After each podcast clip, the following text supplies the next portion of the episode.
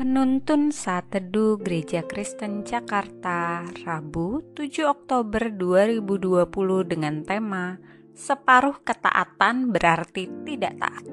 Firman Tuhan terambil dari Matius 19 ayat 16 sampai 26 berkata demikian.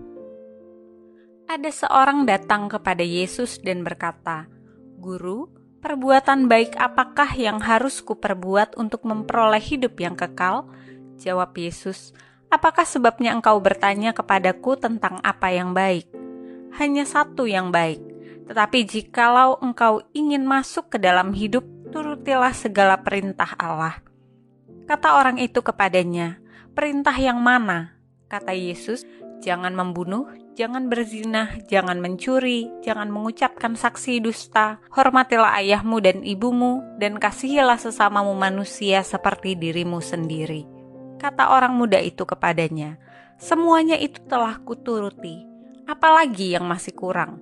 Kata Yesus kepadanya, "Jikalau engkau hendak sempurna, pergilah, jualah segala milikmu dan berikanlah itu kepada orang-orang miskin, maka engkau akan beroleh harta di surga.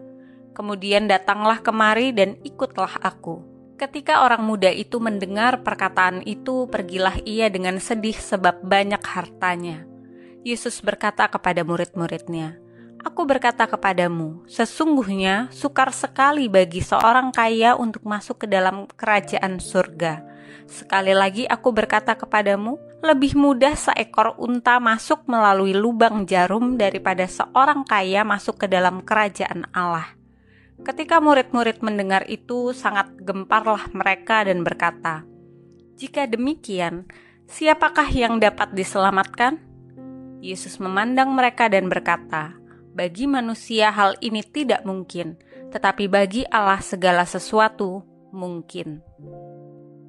Terjemahan Alkitab versi The Message menuliskan Matius 19 ayat 22 demikian. Itulah hal terakhir yang diharapkan pemuda itu untuk didengar. Ia pun kecewa lalu pergi, ia menggenggam terlalu erat banyak hal dan tidak mampu melepaskannya. Orang muda itu tidak menduga jawaban yang diberikan Yesus. Ia datang dengan pertanyaan bagaimana mendapatkan hidup yang kekal, namun ia tidak sanggup untuk hal itu jikalau harus melepaskan hal lain yang amat berharga baginya. Untuk menggenggam sesuatu yang baru, kita harus membuka tangan dan melepaskan yang lama dari genggaman. Tentu saja Yesus tidak perintahkan semua orang pada masa itu untuk menjual segala miliknya, memberikan kepada orang miskin lalu mengikuti Yesus. Dia mengatakan secara khusus kepada orang muda kaya raya dalam perikop itu. Alasannya jelas, sekalipun orang muda itu taat melakukan semua perintah hukum Taurat, tetapi hatinya tidak melekat kepada Allah melainkan kepada harta miliknya. Itulah sebabnya Yesus memintanya melepaskan semua itu agar hatinya kembali kepada Tuhan. Sayangnya hatinya terlalu melekat pada harta duniawi yang mudah hilang sehingga ia kehilangan harta surgawi yang kekal. Ia pergi dengan hati yang kecewa. Tetapi tentu saja Yesus melihatnya pergi dengan hati yang jauh lebih kecewa karena pilihan orang muda itu keliru.